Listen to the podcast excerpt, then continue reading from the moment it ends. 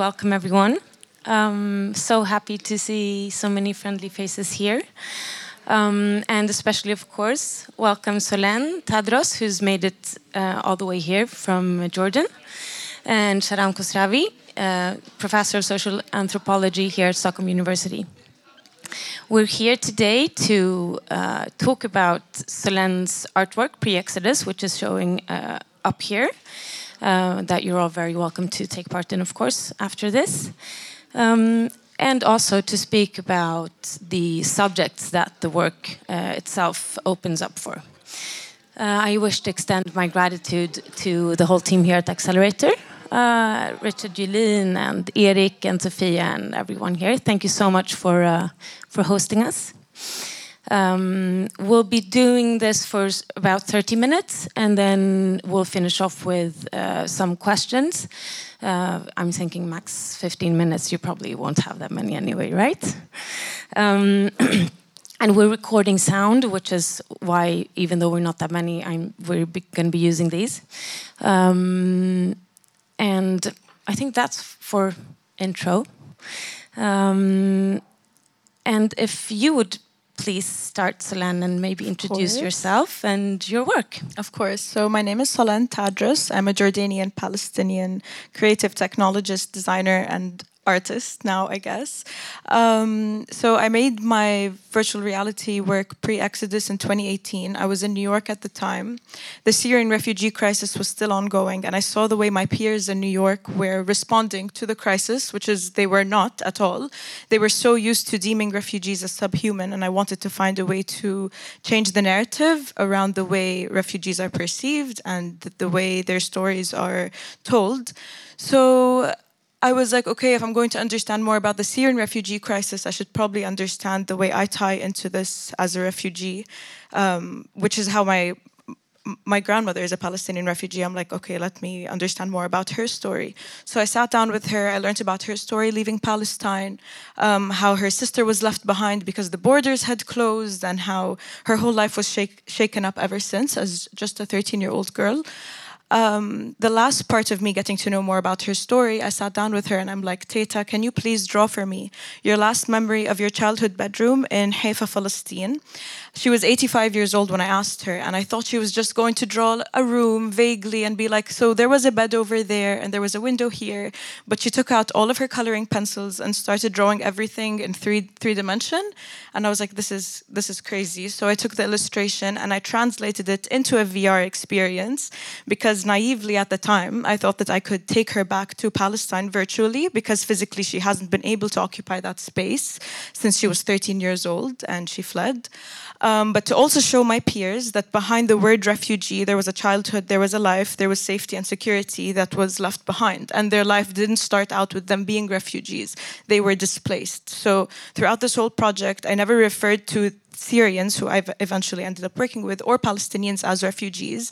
I referred to them as those that were affected by man caused displacement, so we can really focus on the root cause and what caused them to flee their homes, rather than focus on the, the symptom of the root cause, which is people ending up leaving their homes and being called refugees. So I really hope you all get to experience it and ask me any questions you have um, afterwards. So, yeah. I was thinking, let's, um, we have. Uh part of the installation, which is up there, but since many of you haven't uh, seen it yet, um, this is a two minute long video work that is part of the installation to contextualize this for you. How would you feel? Anybody who reads this or tries to tries to think about our exodus, our transit from one place to another, how would you feel? How would your children feel? Anybody, anybody. I would say that if you if you ask your neighbor or your friend and so on, anybody that comes in your house throws you out or kills you to take your house over, how would you feel? How about the whole country was thrown out?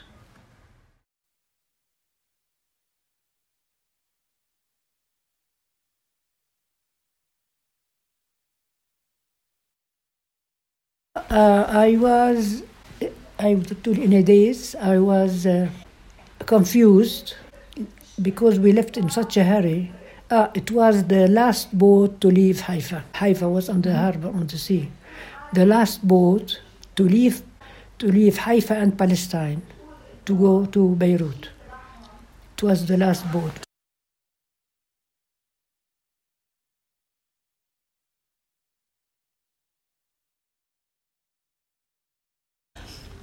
But in, in my innocence, uh, things became vague.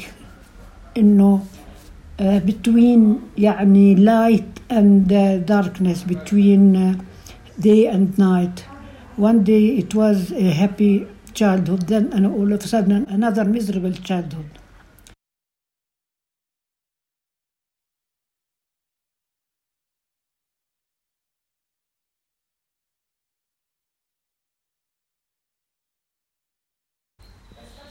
In 1948, it was then the tragedy of Palestine. I had a doll, and I used to keep it all these years until I left Palestine. And I have this doll, and I couldn't take the doll because we didn't have any place except the two two uh, luggage, two luggage uh, containers mm-hmm. to put our clothes only. We could not take anything else.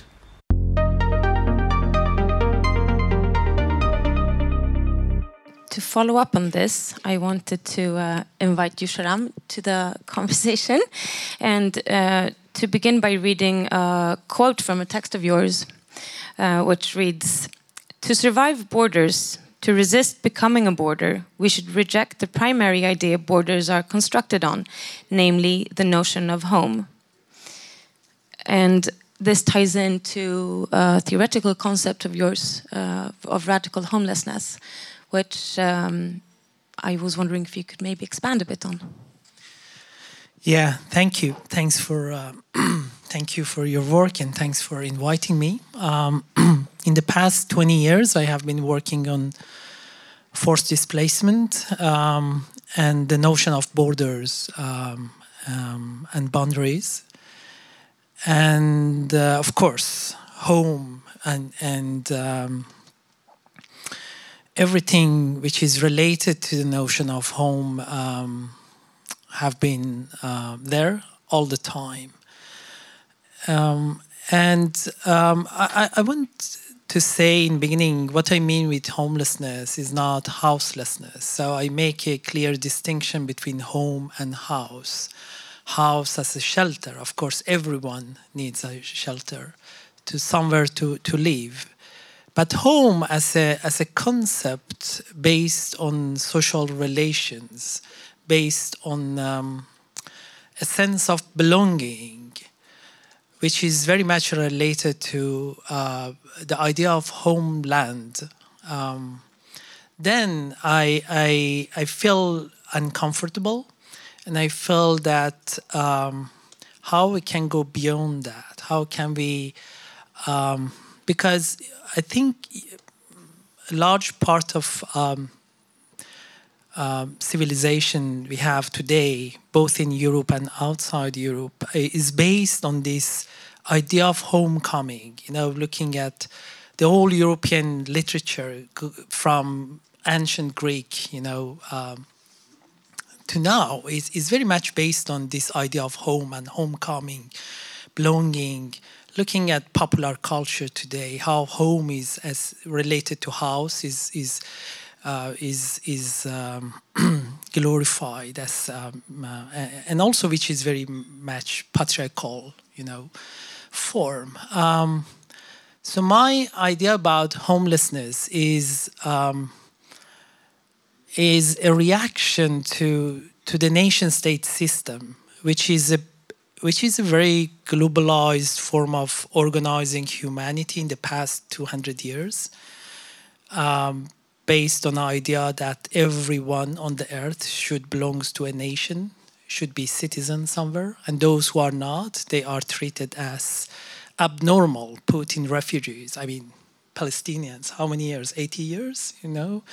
Um, so, um, so um, rejecting that, yeah, and thinking how can we imagine a different um, different forms of living on the earth, which is not according to this nation state system. So, briefly, was such kind of.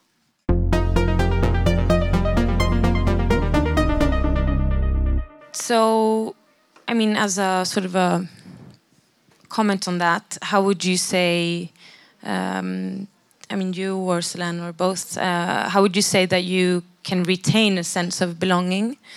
um, or belonging in the world even when the connection between your site of residency and your site of home is lost when those are no longer you know, the same okay so i grew up in jordan but the way i was raised was very westernized and my education system was also british all of our textbooks were in english so i grew up speaking english as my first language in an in an Arab country where my first language should be Arabic.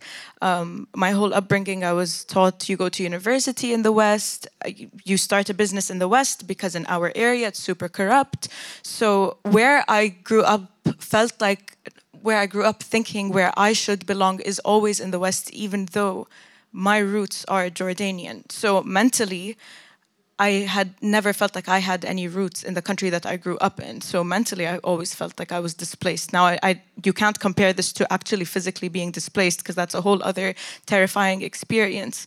Um, but can you repeat your question just so I can like wrap, wrap it up to the point?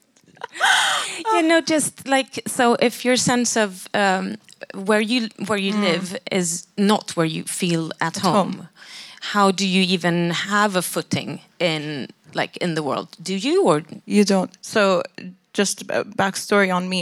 Ever since I went to university in New York, um, and I would come back home in the summer, I would think, okay, where's my next destination? Where am I going to try and find a sense of belonging elsewhere? So I went to Dubai, and then I went to Paris. I did study abroad there. I'm like, maybe I'll find it there. So I've I've always been searching for a sense of belonging instead of trying to get back to my roots where I actually belonged. And until this day, I'm trying to unlearn everything I've been taught about um, me belonging somewhere else. The ideal situation of me being in the West, that's where I'll gain a sense of belonging. I had to unlearn all of that. And I think even teaching myself the language, the Arabic language, is a great place to start so that I can actually start connecting with my community. Um, because that was taken away from me at such an early age.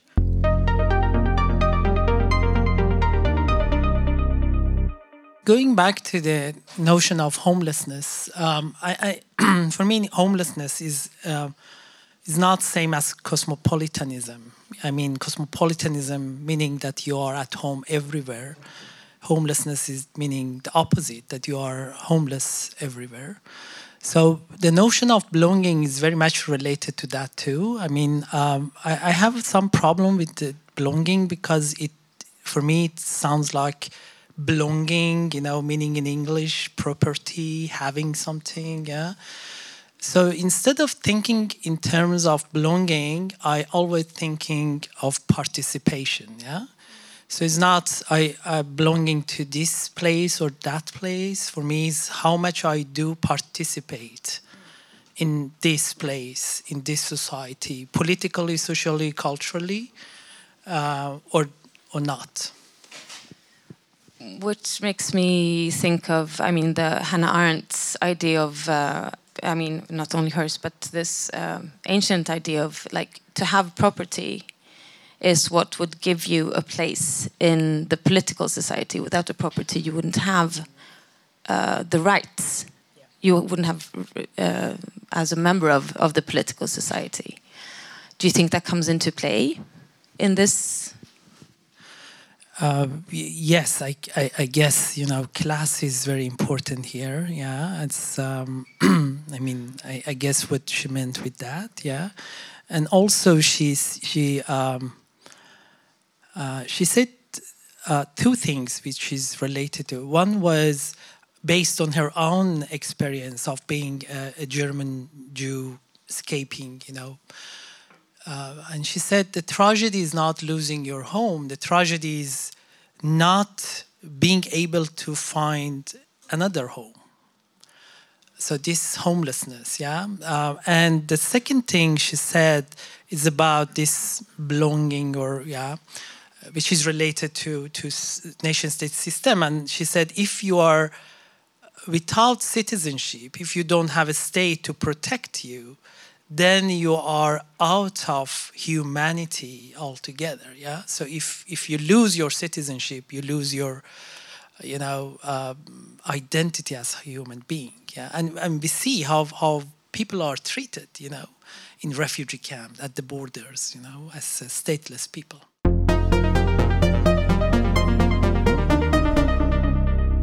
I just wanted to um, add on to that. You said a sense of belonging for you. You've turned that around and you've made it seem for you like if you participate, that's how you have your sense of belonging. And my grandmother fleeing from Palestine, going to Beirut, and then going to Amman, and then living in Libya, she was able to participate because she spoke the language, and the cultures were similar because all of those countries at the time uh, were one big country. But there's a reason why Palestinians, even in the Middle East and in the Arab other Arab countries, they still feel the need to fight for their land. It's not just a matter of participation at the end of the day because something was taken away from them, like something was stolen. So that's what they're fighting for because Jordan welcomed Palestinians with open arms. Now there were some, there was tension, but we have Palestinians living in Jordan and participating just fine. They're doing very well economically, but participation, I don't think, is the thing that they're that they're struggling with, and I feel like participation as a sense of belonging is a way for people who have been displaced to soothe themselves into thinking that participation is a way for me to feel like I have a sense of belonging rather than actually going back to where you belong and finding your belonging there.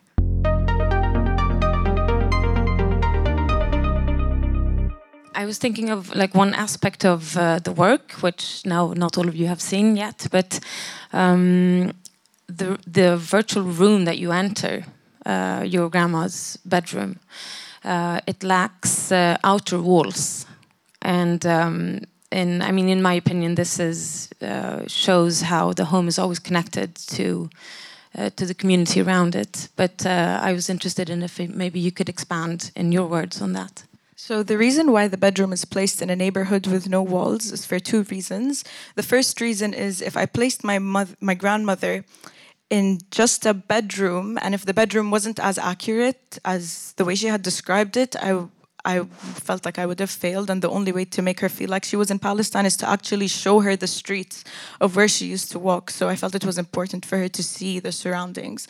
Um, for those of you who haven't seen it yet, I took a Google Maps 360 screenshot of the neighborhood she said she walked through on her way to school, photoshopped as much as I could the, the elements of the occupation out of that uh, screenshot and placed the room in that screenshot. So she recognized the balconies in that street. She recognized the church she used to see on her way to school. Um, but also, because I was showcasing this in New York, I wanted people in New York to realize that Palestine wasn't just this empty land, this empty desert that suddenly was occupied um, by, by others. Um, I wanted them to see that there was civilization that um, was disrupted, and I wanted them to see the streets and how advanced it was, because it was very developed Palestine when it was taken over or colonized. Um, so yeah, that's that was my intention. But I feel like when other people see it, they start to get a sense of what Palestine means to so many people. Um, yeah, so that was my intention.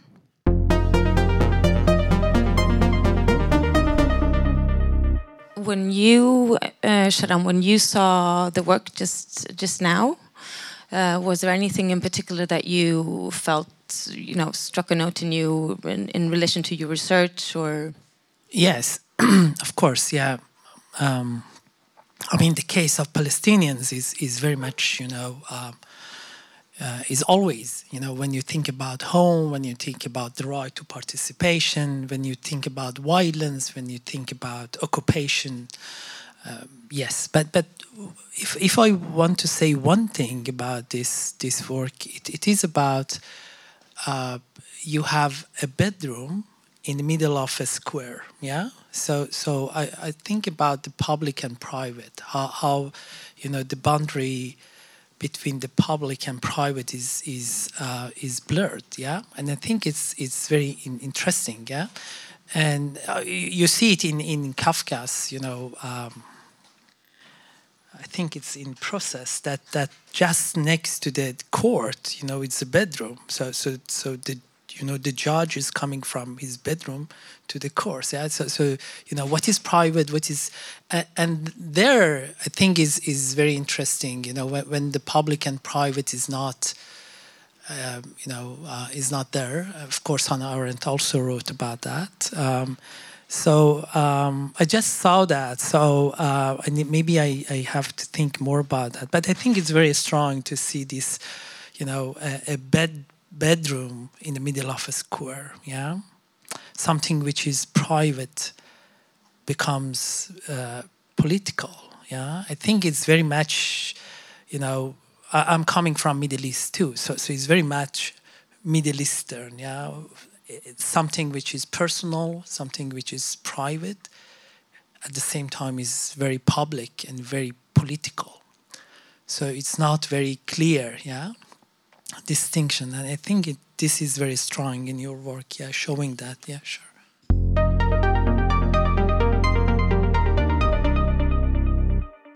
How was it for you to show when you showed this work to your grandmother? Um, and I know that, you know you had this idea that you would bring bring her back to Palestine. But so, how, what was like? What was her reaction? Did you? Yeah. So 2018, I was doing my undergrad. It was my thesis year, and I got super into virtual reality and exploring the potential of virtual reality. And I was like, oh my God, like, I hope, I wish I could bring my grandmother back to Palestine in VR, and that's what I'm going to do. And it was so naive it was probably the most naive thing I've ever thought of in my life, and I'm I am naive. Um, and I completed the project in 2018, and it wasn't until 2021 that I had shown it to my grandmother. Um, I think because in this project, she is my harshest critic because if my creation or my work doesn't level up to her memory and what Palestine was, then I would have ultimately failed my project.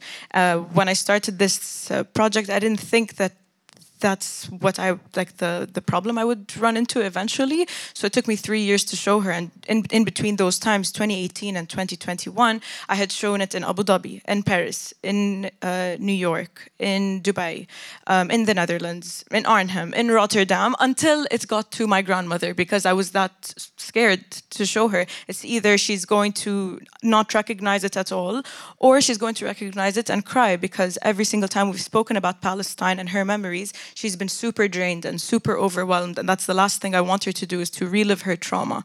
Um, but it was literally exactly in the middle. It was in between not recognizing things and feeling like she was in Palestine. So I gave her the headset and she was in there for maybe a good five minutes. Keep in mind, there's nothing much to it, it's just a bedroom, but she kept spinning around and around and around, looking around, looking at the streets, looking at the balconies, saying, Oh, my bed was like that, but my bed was actually nicer than that. And oh, but that wasn't there, but oh my God, the floors, the tiles. So some things she could recognize and other things it was like no that's not it it was probably very abstract it was too abstract to be identical to her memory.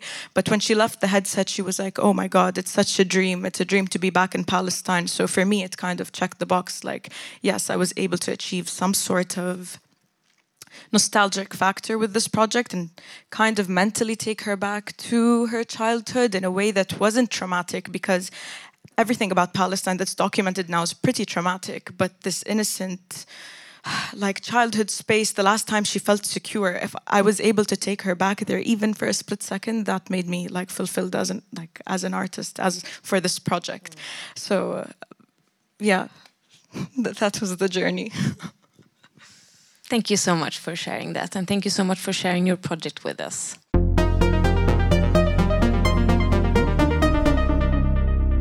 I was thinking if any of you have any questions or comments, things you want to mention, then please feel free. So um, good to see you, Solen. You know, you remember when we recorded the podcast, we just talked and talked and talked. But one question we did not talk about was, you know, you, here you mentioned the sense of belonging, mm -hmm. and your work is in the virtual reality. So thinking a little bit ahead of time, you know, when the in real life experience, such as this one, starts to blur with the online experience that we will have in, in virtual worlds, in metaverse, etc. Have you thought about where will we then belong? And how do you kind of explore, you know, th this kind of interrelationship? I'm in that crisis, by the way, because I'm more fluent in like living in cyberspace than I am in the physical space, considering I spend most of my waking hours online and connecting with my friends online. So I'm honestly just super unsure when it comes to a sense of belonging. I think I grew up very globalized, and in that sense, cyberspace is a globalized space. So I feel a sense of belonging there, no matter where I am physically on the globe.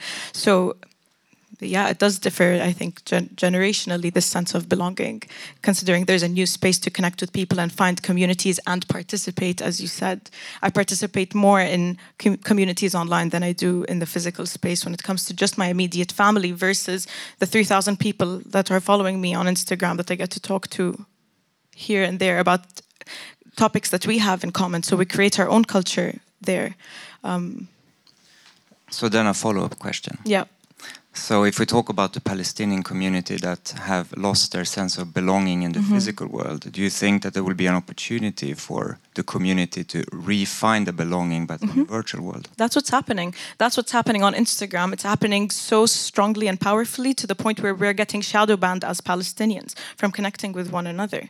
Um, I, am very grateful for social media in that sense. Um, I'm more, even more grateful for Web3, where people have ownership of their content that they post, where they're not censored, where people can connect with each other without a filter, without being shadow banned. But I think Web2 was a very good starting point. I just don't like that the people controlling these platforms are also controlling the unification of Palestinians and forbidding other people from participating in fighting for the Palestinian cause.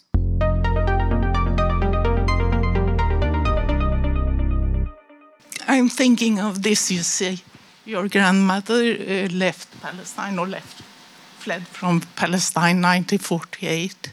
But my reflection is uh, for many Palestinians, the flight, flight, you have to flee again and flee again, and you can never be safe. You go to El Bas or somewhere else, and then you get rounded up from a different refugee camps and you put in other space. And you are in Tel al-Zaatar and it's it's not doesn't exist. And then you go somewhere else and you find yourself in Sabra Shatila. And this is 40 years since the massacre when 3,000 people was butchered up 70% of Gaza's inhabitants are refugees and they can't get out. People are starving and asking for food at the hospitals. Death in breast cancer, a disease that are curable here, the deaths are raised because of Israel doesn't let the isotopes into Gaza. And this is a place 2.1 million people are living, and it's a lesser space than Öland. And there's two years ago, it was 30,000 uh, people without papers in Sweden. Most of these people was or are Palestinians. They have no rights here. They can't marry, they can't bury, they can't divorce, the, the children get vaccination, uh, they get education, uh, 30,000, and then we have the 7,000 uh, Afghanistan youth. But we have 30,000 people without papers that's still fleeing. You can't stay, you are not safe. And this is because of the Nakba 48 that continues, and even in this place.